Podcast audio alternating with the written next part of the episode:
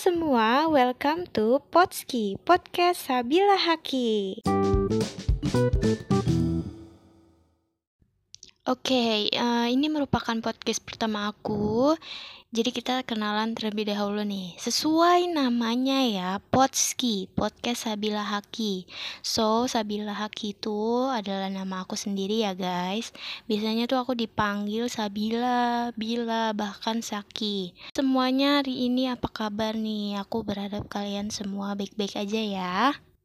Oke, hari ini aku cuma sendirian dan mau membahas tentang teknologi CGI atau Computer Graphic Imagery di perfilman Indonesia.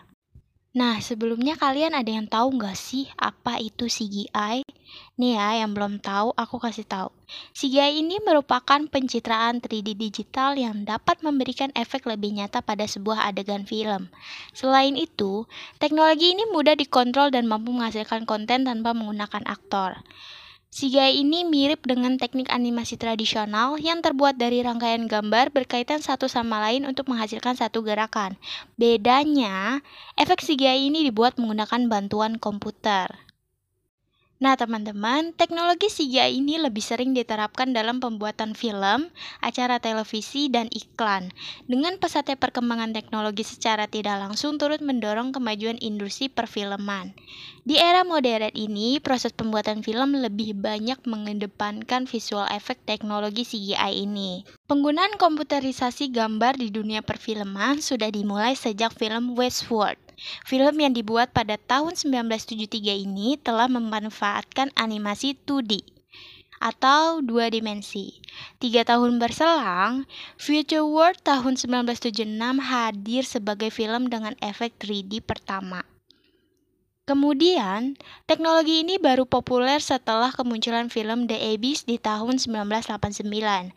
Film garapan James Cameron ini sukses memboyong piala Oscar dalam kategori Best Visual Effect. Efek visual di film The Abyss dikerjakan oleh rumah produksi Industrial Light and Magic. Nah, di Indonesia, penggunaan CGI dimulai sejak tahun 1990-an.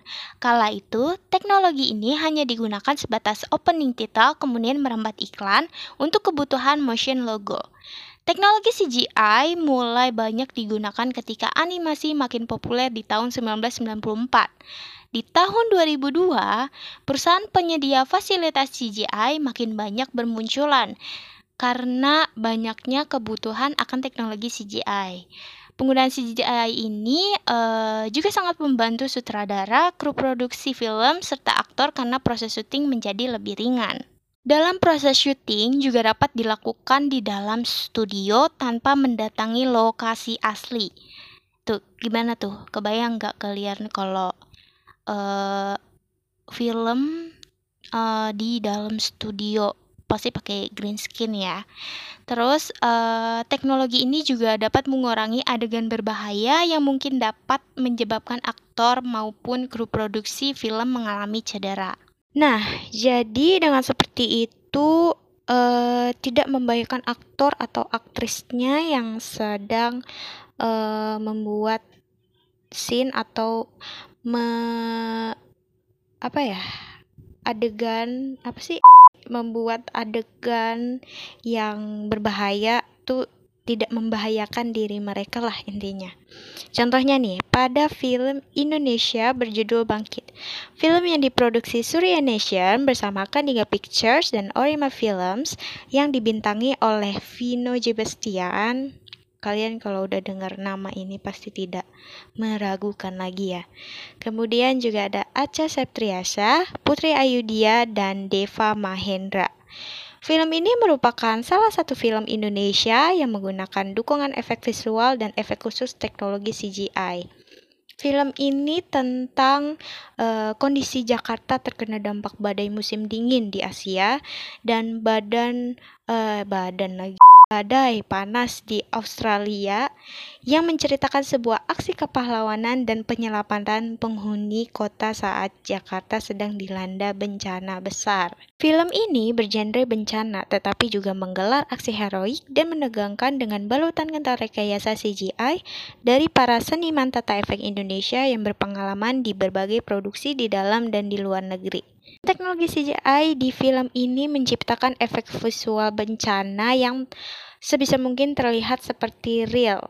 Penggunaan teknologi CGI di film ini, faktanya, film ini merupakan film dengan sejumlah CGI terbanyak sepanjang sejarah dengan tuntutan kualitas yang sangat tinggi serta time frame pengerjaan yang singkat.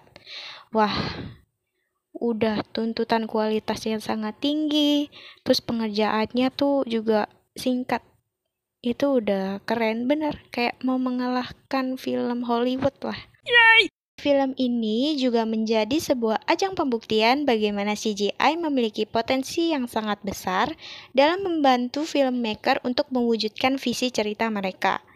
Jadi tuh kayak hal di dunia nyata terlalu sulit atau mahal untuk diwujudkan bisa dilakukan dengan bantuan CGI ini. Misalnya nih, adegan menggunakan teknologi CGI mungkin seperti ya pada adegan di film Bangkit ini ya. Salah satunya yang tadi adanya banjir bandang, jatuhnya tenggelam, uh, dan sebagainya. Pastinya tuh dalam pembuatan film menggunakan green screen atau uh, tidak ditempatkan yang sama persis seperti lokasi pada saat syuting. Nah, dari sini juga kita bisa melihat bagaimana membantunya penggunaan teknologi CGI dalam pembuatan film.